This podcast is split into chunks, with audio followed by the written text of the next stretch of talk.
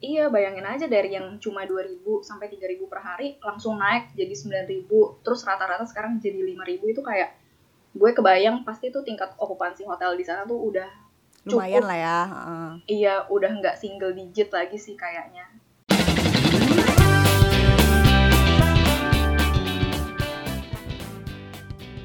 Halo sahabat kompas.com, balik lagi di Travelcast, podcastnya kompas.com Travel. Nah, untuk episode kali ini, eh, kenalin gue Shiva. Eh, kali ini gue nggak sendirian, ada juga eh, rekan gue Nabila alias Nana. Halo Nak. Hai, hai semua.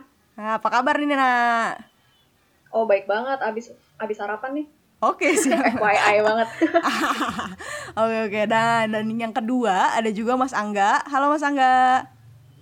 Halo. Nah, Mas Angga ini pendatang baru ya, editor di kompas.com travel dan baru pertama kali nih muncul di podcast eh, Travelcast. Yo, ini pertama kali. Debut ya. Gugup gak Mas? Biasa. mantep mantep.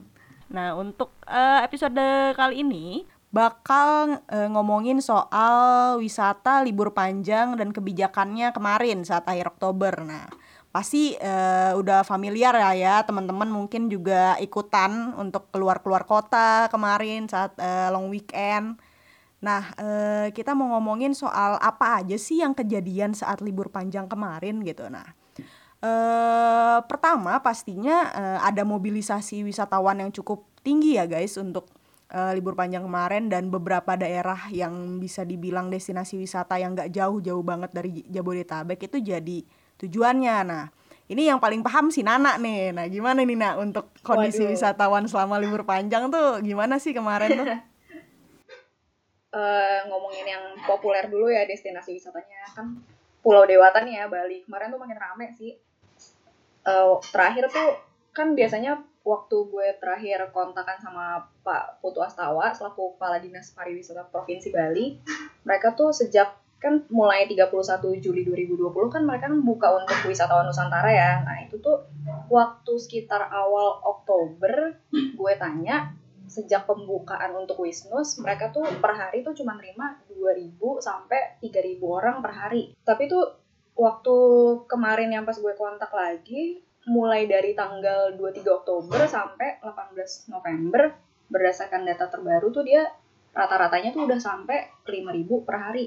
Bahkan yang pas gue cross check tuh paling tinggi ternyata di antara tanggal 27 29 itu kan ini ya yang pas libur apa libur panjang akhir Oktober itu tuh ada yang nyampe 9000 lebih.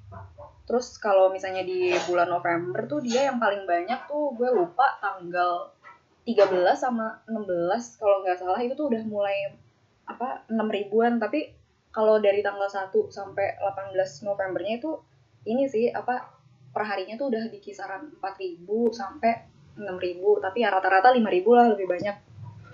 Itu tuh sejak ini apa sejak libur panjang. Jadi kan tadi kan lo bilang kan mobilisasi kita kan udah mulai gerak ya wisatawannya ya. Kayaknya karena Bali udah nerapin protokol CHSE yang cukup bagus dan juga kemarin tuh eh, apa Pak Putu juga bilang ada ratusan hotel yang udah dapat sertifikat protokol kesehatan jadi tuh kayak wisatawan udah pada mulai percaya diri lagi buat jalan-jalan. Jadi yang pas libur panjang kemarin yang nggak heran sih kalau misalnya Bali tuh rame banget. Dan oh iya. Kenapa? Kenapa sih kenapa? Apakah ada yang ingin ditanyakan lagi? Misalnya soal tempat yang rame gitu. Nah, sebenarnya kan kalau kalau lu ngomong 9000 itu banyak banget berarti ya. Lumayan ya Banget. untuk untuk peningkatan kalau eh, mungkin nggak nggak sesignifikan biasanya tapi lumayan cukup tinggi ya setelah pandemi ini ya.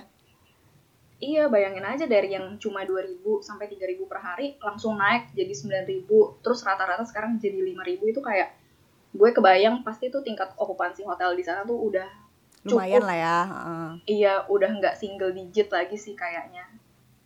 Nah, kalau menurut mm, kalau menurut Mas Angga gimana, Mas? Kalau aku mau share aja eh, cerita temen sih. Ini juga beritanya ditulis sama Mbak Nana. Ya kan em, tanya-tanya ke beberapa orang yang liburan ke Jogja sih terutama. Oh iya, yang Nah nyari itu hotel itu ternyata ya. eh, yang nyari hotel ternyata hotelnya susah jadi mobilisasi wisatawan dari daerah lain ke destinasi wisata salah satunya Jogja itu juga udah banyak banget tuh loh sampai cari hotel aja susah gitu sekalinya ketemu mahal hmm. kayak gitu sih itu kan Mbak Nana kemarin wawancara temanku juga temanku ada yang dari Jakarta namanya sama sih Nabila juga itu ternyata dia juga sulit cari hotel di Jogja pas mau liburan di Jogja libur panjang kemarin. Berarti emang Jogja juga jadi salah satu destinasi yang populer banget ya untuk kemarin libur panjang ya Mas ya?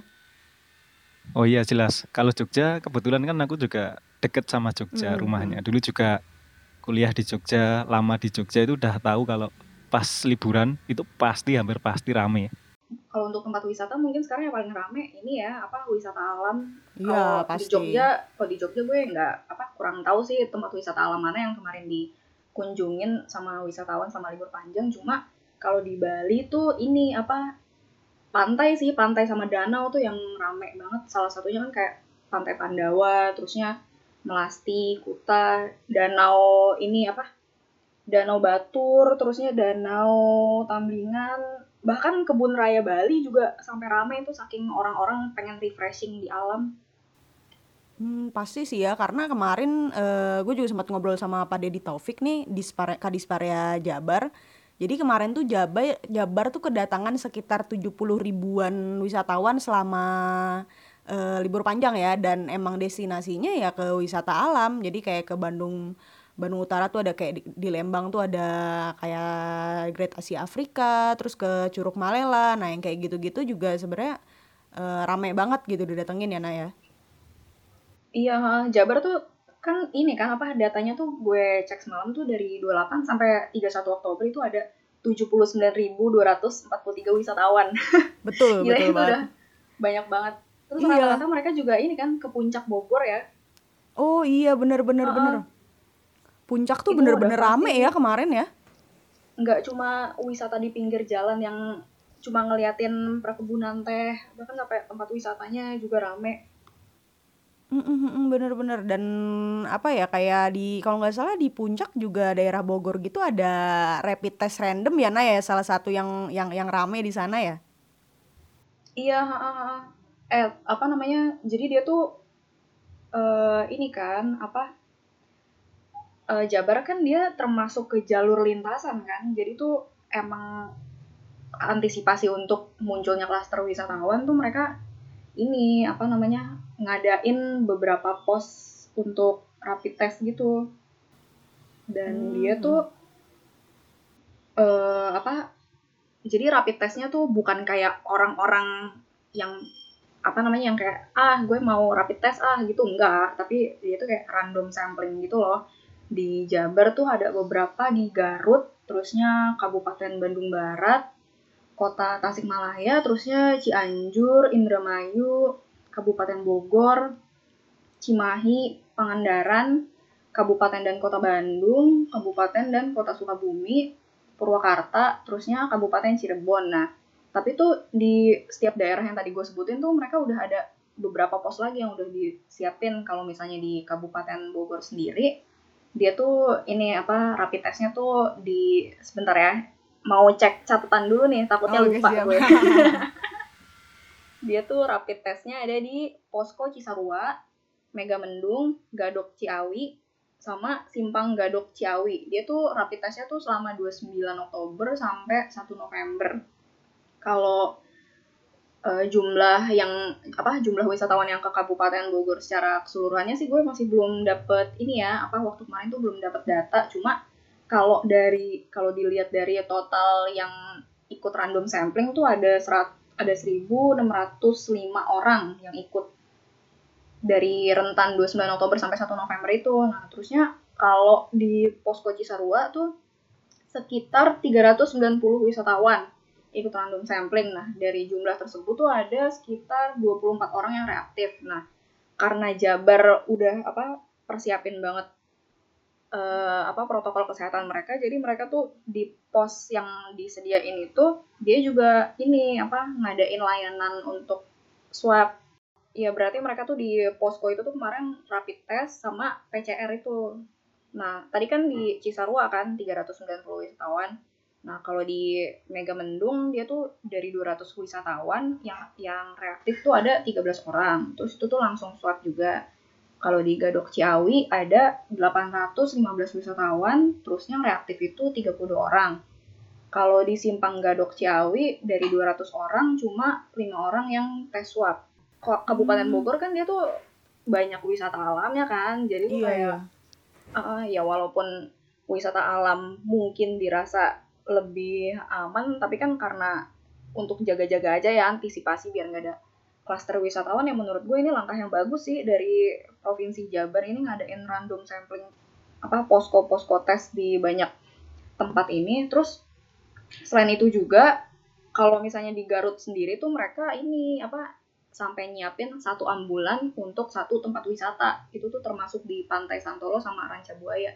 Jadi kayak kalau misalnya ada wisatawan yang ke sana terusnya ternyata suhunya ini nih di atas yang udah ditentukan. Terus misalnya ketahuan dia punya gejala atau ada hal-hal yang tidak diinginkan kayak mendadak ada OTG di situ jadi mereka tuh langsung dibawa pakai ambulan itu ke rumah sakit atau puskesmas terdekat sih. Tapi kalau misalnya apa di kawasan selain Jawa Barat tuh ini apa yang rame juga tuh Klaten yang nyampe 43.000 wisatawan. 43 Oh, ribuan lah selama 28 sampai 31 Oktober. Terus tuh tapi kalau di Klaten tuh udah ketebak sih mana tempat wisata yang paling rame. Soalnya tuh ini apa dari tanggal 28 sampai 31 Oktober tuh Candi Prambanan berada di peringkat nomor satu yang paling dikunjungi sama wisatawan. Itu gue kaget sih yang Hmm. pas lihat ininya datanya. Soalnya hari pertama aja itu tuh yang pas di tanggal 28 tuh ada 2000-an orang ke Candi Prambanan. Terus hari kedua naik nih jadi 3126 terus hari ketiga naik jadi 3910 terusnya hari terakhir tanggal 31 itu 3152 orang.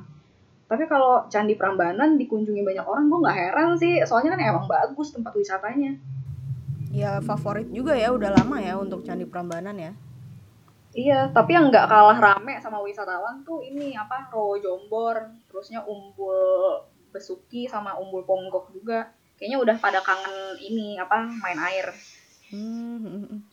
Oh iya, nambahin yang tadi. Mm-mm. Yang tadi di Jateng juga ada beberapa rapid test acak ya. Itu salah satunya di Borobudur. Itu 150 orang kemarin itu. Dan ternyata ketahuan kan dari ada dua yang positif. Bahkan positif. Itu. Kalau aku selain itu itu yang ada rapid test ya, yang mungkin nggak nggak sepasif di Jabar. Kalau di Gunung Kidul sendiri yang kedatangan sekitar 20 ribuan wisatawan pantai-pantainya ya Gunung Kidul itu nggak ada rapid test tapi cuman penegakan protokol kesehatan tuh di, di- lebih tegas gitu loh. Jadi ada petugas patroli gitu. Terus yang ketahuan nggak pakai masker atau makainya nggak jelas itu bakal dikasih sanksi, bikin surat pernyataan gitu, Hmm. Disuruh nyanyi juga mereka Wah, sanksinya. Sanksinya lucu juga ya. Iya. Oke oke nah eh beralih lagi nih ke soal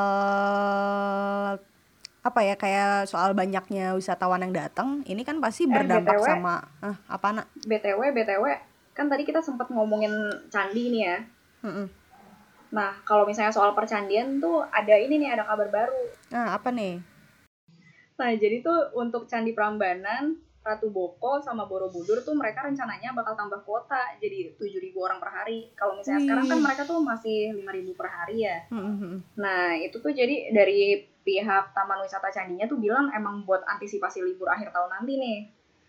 Tapi ini sih masih nunggu apa surat perizinan dari ini Satgas Covid provinsi. Kalau misalnya emang disetujui nanti mereka langsung uji coba ke 7000.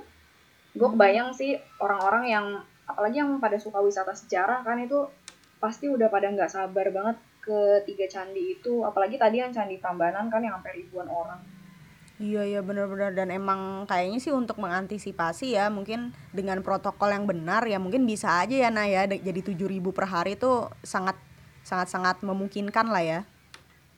Mungkin kan banget sih tapi kan kembali lagi nggak cuma apa kalau misalnya tempat wisata udah nerapin protokol kesehatan cuma kalau misalnya kita kitanya masih bandel mah ya sama aja bohong sih. Jadi Nah, harusnya itu. wisatawannya juga pinter. Bener banget, makanya nah itu udah jadi perdebatan sih dalam beberapa hari ini ya karena eh dengar-dengar nih dari baik dari Ketua Satgas Pak Doni Monardo dan dari epidemiologi yang epide- epidemiolog, aduh gue susah banget kalau ngo- nyebut itu. Kenapa ya? Susah gitu. Epidemiolog, Epidemiolog. iya epidemiolog Ah, tuh kan lu juga salah. Epidemiolog eh, Panduryono dari UI nah dia menyarankan banget untuk tidak ada libur panjang di akhir tahun nih nanti. Jadi eh, dari beberapa tweetnya kemarin yang gue simak dan gue udah tanya-tanya juga ke beliau, eh, gue konfirmasi dan memang katanya sebenarnya ya mendingan gak usah ada aja karena eh setelah libur panjang akhir Oktober kemarin katanya sih peningkatan kasus beberapa hari ini yang selalu di atas 5000 ya di beberapa hari ini itu ya dampak dari libur panjang mobilisasi masyarakat gitu. Jadi ya ketika gue tanya solusinya apa nih pak? Jangan di- ya jangan ada libur panjang gitu. Nah itu kan jadi problem juga ya guys untuk eh, sektor pariwisata karena ya tadi udah dibilang juga ya mobilisasi masyarakat wisatawan itu sangat-sangat membantu baik dari tempat wisata dari hotel juga okupansinya oke gitu. Jadi itu salah satu hal yang apa ya salah satu hal yang membingungkan lah ya. Nah untuk eh, soal wacana libur panjang ini menariknya emang belum ditentukan sih kayak bakal ada atau enggak. Nah nanti masih nunggu kayak perkembangan gitu kata Pak Doni apakah memang kasusnya itu terus ningkat atau memang bisa landai nih. Tapi dari asosiasi pariwisata udah jelas-jelas bilang nggak setuju gitu untuk adanya eh apa ya untuk adanya peniadaan libur panjang ini. Mereka juga ini kan dari asosiasi dari PHRI kan gue dengar katanya Pak Maulana juga minta ada solusi ya. Jadi nggak cuma ah, nggak cuma berhentiin apa nyetop libur panjang tapi solusinya apa biar ekonomi tet- tetap jalan juga Nah iya, kayak kemarin kebetulan ngobrol sama Pak Mal mau eh, Pak Alan ya. Jadi kata beliau tuh eh, ya sebenarnya kalau dibilang langkah paling ideal buat menghentikan pandemi ya emang bener gitu kan. Tidak tidak membiarkan orang-orang keluar rumah termasuk nggak boleh ada libur panjang. Tapi ya kita nggak bisa men nggak bisa nggak lihat eh, orang-orang yang bekerja di sektor pariwisata dong. Jadi kayak selama 8 bulan ini mereka udah udah nggak ada penghasilan, udah hotel-hotel dan usaha-usaha udah nggak bisa bayar karyawannya. Nah, terus kayak masih mau ditutup lagi dalam waktu yang belum bisa ditentukan. Nah, itu kan tanggung jawab para pelaku usaha juga ya. Jadi Pak Alan tuh bimbangnya di situ juga sebenarnya. Nah, makanya menurut dia sih sekarang udah bukan saatnya untuk kritik-kritik tanpa solusi lagi. Jadi butuh solusi yang bener-bener apa nih yang bisa kita lakukan supaya ekonomi jalan dan eh, kesehatan juga tetap terkontrol gitu. lagian kalau libur panjang kan yang diuntungin nggak cuma tempat wisata sama hotel aja nggak sih? Restoran juga kan udah pasti Iya kan jalan-jalan kulineran. Waktu Banget, libur banget. panjang kemarin aja kan yang di Jabar ini nyampe ada berapa sih? 30 ribuan orang kan ke restoran di 6 kabupaten kota Eh iya bener-bener jadi restoran di Jabar juga kemarin dari data di Spar Jabar tuh bener-bener peningkatannya berapa puluh persen gitu ya dari biasanya. Emang bener-bener cukup eh, berdampak gitu lah. Dan okupansinya juga oke-oke oke-oke juga. Eh okupansi hotel memang cukup naik ya, cukup naik eh, signifikan. Nah, tapi kata Pak Alan memang nggak banyak gitu loh, nggak nggak nggak nggak bener-bener tinggi banget untuk peningkatannya dan bisa dibilang ya kecil gitu keuntungan yang didapat sama hotel. Jadi dia menyebut bahwa eh, itu terjadi dari harga sih sebenarnya. Jadi ini berkaitan juga sama banyaknya orang-orang yang liburan gitu karena ya memang harga-harga liburan sekarang itu ya bisa dibilang murah banget, bisa 50% dari biasa gitu. Jadi dia nyebut kalau long weekend tiga hari di kondisi biasa bukan pandemi ya, itu tuh harusnya udah harga publish rate kayak kalau di Bali tuh harga per room itu per night sekitar satu setengah juta gitu ya. Eh, nah kemarin saat libur panjang itu orang-orang bisa dapat 700 sampai 800 ribu itu udah bisa nginep di bintang 5 Nah, jadi sebenarnya ya okupansi naik bukan berarti pendapatan hotel meningkat ya, tapi ya emang itu bisa jadi angin segar sih kata Pak eh, kata Pak Alan juga. Jadi seenggaknya ya mereka bisa bayar gaji karyawan untuk beberapa periode dari penghasilan uh, long weekend itu. Makanya ketika ada wacana mau ditiadakan nih libur panjang, ya pasti okupansi juga berdampak dong. Gitu, nah. Kalau soal okupansi tuh dia kan ngaruh juga kan sama lama apa periode menginapnya si tamu ini. Nah, iya Jadi iya. kayak uh, kayak semakin lama mereka nginep kan semakin banyak juga kan pendapatannya walaupun sekarang harganya bener-bener apa turun banget. Iya makanya. Jadi sebenarnya ya emang hotel tidak mencari gimana mereka untung sih tapi lebih mencari pada gimana masih bisa bertahan sampai tahun depan dan gimana mereka masih bisa uh, bayar gaji karyawannya gitu. Karena 2021 kan belum berarti tantangan berakhir ya gitu loh kalau dari Mas Angga gimana Mas? Ada yang mau ditambahin nggak atau dari tanggapan soal ini? Tanggapan sih jelas bakal berat ya. Mm -hmm. itu kan uh, contohnya bisa dilihat kemarin pas libur panjang lebaran. Lebaran itu bahkan lebih parah. Nggak boleh masih belum boleh ke mana-mana belum boleh mudik juga itu kan. Mm-hmm. biasanya kan hotel-hotel daerah tempat wisata daerah kan salah satu panennya istilahnya panen pendapatannya itu kan pas lebaran. Tapi kemarin lebaran kemarin masih ketat banget jadi ya kalau disuruh kembali lagi ke aku nyebutnya apa ya masa kegelapan itu bakal berat banget lah betul kata Mbak Siva dan Mbak Nana tadi kalau emang saat ini hotel-hotel butuh okupansi lah walaupun uangnya nggak seberapa tapi masih bisa untuk setidaknya nutup operasional gitu. Nah iya benar-benar mas. Jadi ya sebenarnya kalau kemarin juga ngobrol-ngobrol sama Pak Alan ya eh, apa ya yang dibutuhkan tadi lu juga sempat sebut ya nak bahwa masyarakatnya sendiri yang nggak disiplin. Nah iya Nah, iya jadi sebenarnya ya dia juga keberatan sih dengan wacana itu seakan-akan pelaku usahanya yang disalahin bahwa mereka yang kayak nggak apa ya gara-gara mereka gitu loh bahwa ini tuh naik lagi gitu. Padahal sebenarnya kan nggak juga karena Pak Alan bilang ya kalau di tempat wisata dan hotel itu ya pelaku usaha pasti mena melakukan pro prokes CHSE itu dengan sangat baik dan ketat gitu. Nah, itu juga yang kemudian eh, jadi kritikan Pak Alan nih katanya pemerintah juga sebaiknya lebih ketat gitu untuk apa ya untuk eh, untuk melakukan eh, kebijakan atau menerapkan kebijakan yang udah mereka buat uh, dia minta sih pemerintah untuk tegas juga supaya ya sama-sama enak lah win-win solution gitu. Nah ini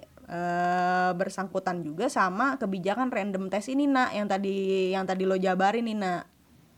Kenapa emang itu udah mulai mau masif dilakukan di beberapa destinasi ya? Nah, itu belum ada info sih sampai sekarang sebenarnya kalau soal itu. Nah, masalahnya adalah eh yang bikin bingung eh, kalau dari epidemiolog epidemiolog, duh susah bener gua ngomong. Epidemiolog Panduriono dia bilang ya random test yang dilakukan sama daerah-daerah itu nggak berguna sebenarnya ya Naya kata beliau ini sih sebenarnya nggak guna gitu untuk menekan laju penyebaran karena ya tetap aja kan mereka-mereka itu kan orang-orang yang punya gejala atau uh, lagi positif atau misalnya atau gimana itu ya tetap aja bisa keluar ke mana-mana kan. Nah kata makanya kata Pak Pandu ya ngapain random test? Mendingan ya langsung ditiadakan aja liburnya. Nah dari Pak HRI ini dari Pak Maulana ini menyarankan bahwa ya sebenarnya bisa-bisa aja nih random test untuk uh, dilakukan secara efektif. Tapi uh, bisa juga tapi ganti dengan metode tes yang berbeda gitu kemarin kalau kemarin tesnya seperti apa sih nak? Kalau di random test itu dia pakai metode kayak gimana? Mereka cuma ini sih rapid test sejauh ini. Kecuali kalau misalnya emang orangnya reaktif tuh baru langsung ini swab test. Tapi kalau untuk berapa kali rapid testnya sih gue ini sih nggak begitu paham. Nah iya jadi kata Pak Maulana sih sebenarnya rapid test itu kan bisa dibilang keakuratannya kurang bagus ya. Jadi ya jadi dia menyarankan jadi ada kayak metode lainnya dari rapid test itu ada rapid test swab test antigen nah kata beliau eh, itu bisa coba diterapkan dengan dengan dengan catatan pemerintah juga uh, ikut membantu untuk subsidi supaya harganya bisa murah. Jadi nantinya itu bisa diterapkan nggak cuman di perbatasan-perbatasan aja kayak kemarin atau di beberapa tempat wisata khusus lah, tapi semua pelaku usaha juga bisa melakukan itu e, di tempatnya mereka masing-masing. Hotel juga bisa gitu. Jadi e, di setiap titik lah yang ada pergerakan wisatawannya kayak gitu. Tapi kalau misalnya apa misalnya nih rapid test, hmm. misalnya udah ditentuin satu orang tuh dalam satu waktu tiga kali rapid test nih. Kan tadi kan dibilang katanya rapid test kurang efektif kan.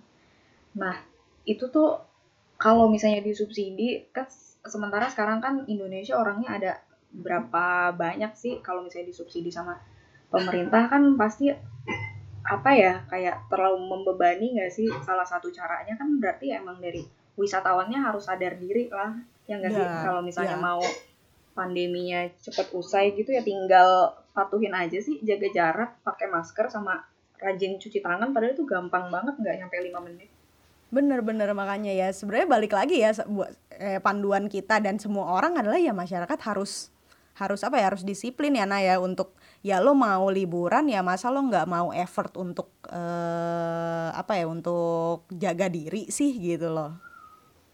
Iya, waktu kapan ya semalam tuh gue lihat ada uh, beberapa orang lah yang kasih komentar ke berita-berita yang udah gue tulis itu katanya uh, apa protokol kesehatan yang jaga kapasitas kunjungan wisatawan dibilang ribet lah inilah itulah lah. Itu kan apa ya kayak kalau misalnya tempat wisata nggak dibatasi wisatawannya terus ya kerumunan terus di apa dari situ muncul klaster wisatawan.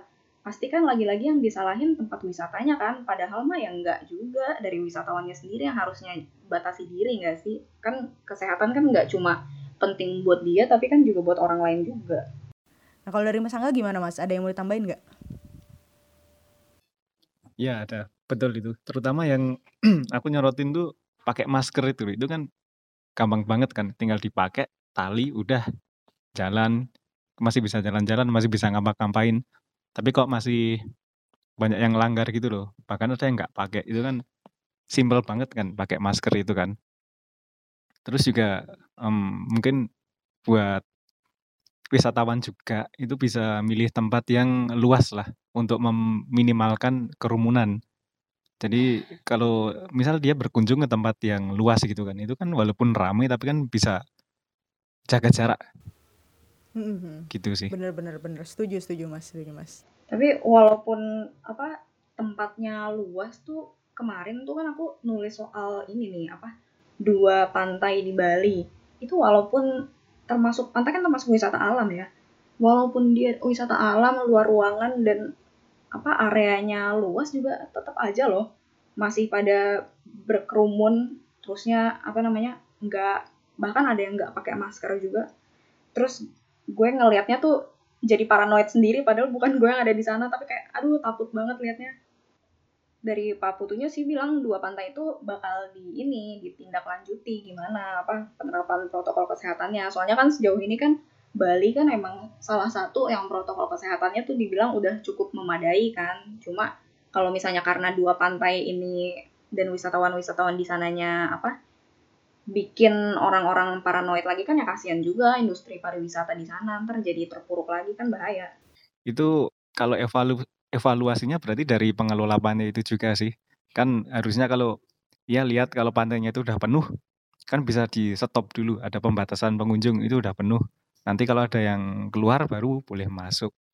Gitu sih biar pantai walaupun luas biar tetap ada jaga jaraknya. Ah iya benar benar benar benar. Berarti kalau menurut data data-data kemarin nih nak, kira-kira daerah mana aja nih yang bakal jadi favorit lagi untuk libur panjang di akhir tahun? Udah pasti Bali nggak sih? Soalnya kan itu kayak masuk ke dalam bucket list setiap orang kan, termasuk gue. Oke okay, oke. Okay. misalnya, tapi kalau misalnya dilihat dari apa dari uh, apa uh, penawaran wisata alamnya, kayaknya hampir seluruh destinasi wisata di Jabar nggak sih, termasuk Bandung Raya. Kecuali kalau domisili gue ya Bekasi itu kan kayak wisata alamnya di mana ya? Oke, okay. lu wisata alamnya ke Danau Bekasi, nah ada nggak sih Danau Tambun, Danau Tambun, ada ada ada kok ada Tuh ada kan ada Danau. nak, udah lu Heeh. ke situ aja lah. oh ya aman lah gue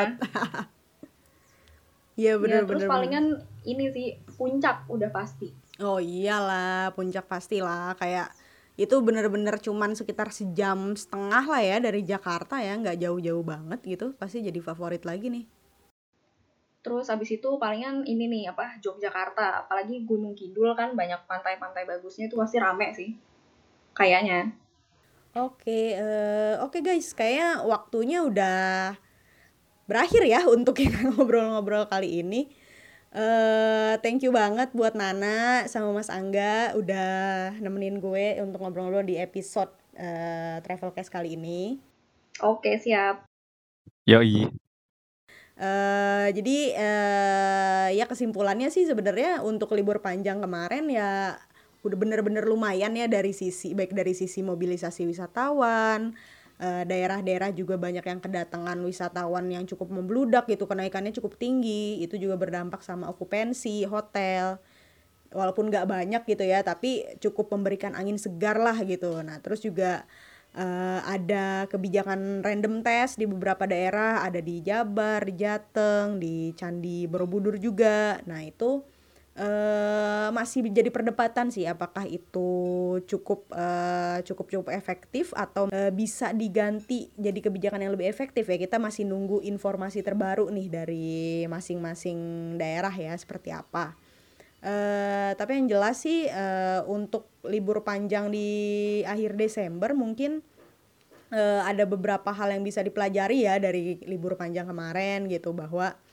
eh, wacana-wacana soal libur panjang yang mau ditiadakan itu sebenarnya akan berdampak cukup buruk ya buat sektor sektor pariwisata gitu. Jadi ya kita tunggu kabar-kabar terbaru aja ya guys ya untuk eh, libur panjang Desember dan untuk next episode tentunya pasti bakal ada dari kita soal bahasan soal eh, tips and trick libur panjang untuk di akhir Desember bagaimana liburan yang lebih aman, lebih nyaman dan pastinya nggak menyalahi eh, protokol kesehatan nih supaya baik dari pelaku usaha tetap eh, enak dan dari wisatawan juga bisa liburan dengan eh, nyaman dan pulangnya tetap sehat ya gitu. Oke. Eh, buat kalian yang mau tahu lebih lanjut soal hal-hal yang tadi udah kita bahas nih, yang udah dibahas sama Nana dan Mas Angga dan nama gue juga, bisa baca langsung di eh, kanal travel.kompas.com. Nah, ada juga jangan lupa juga follow Instagram kita di @kompas.travel. Oke, sampai di sini aja. Terima kasih guys. Dadah. dadah Wes sih.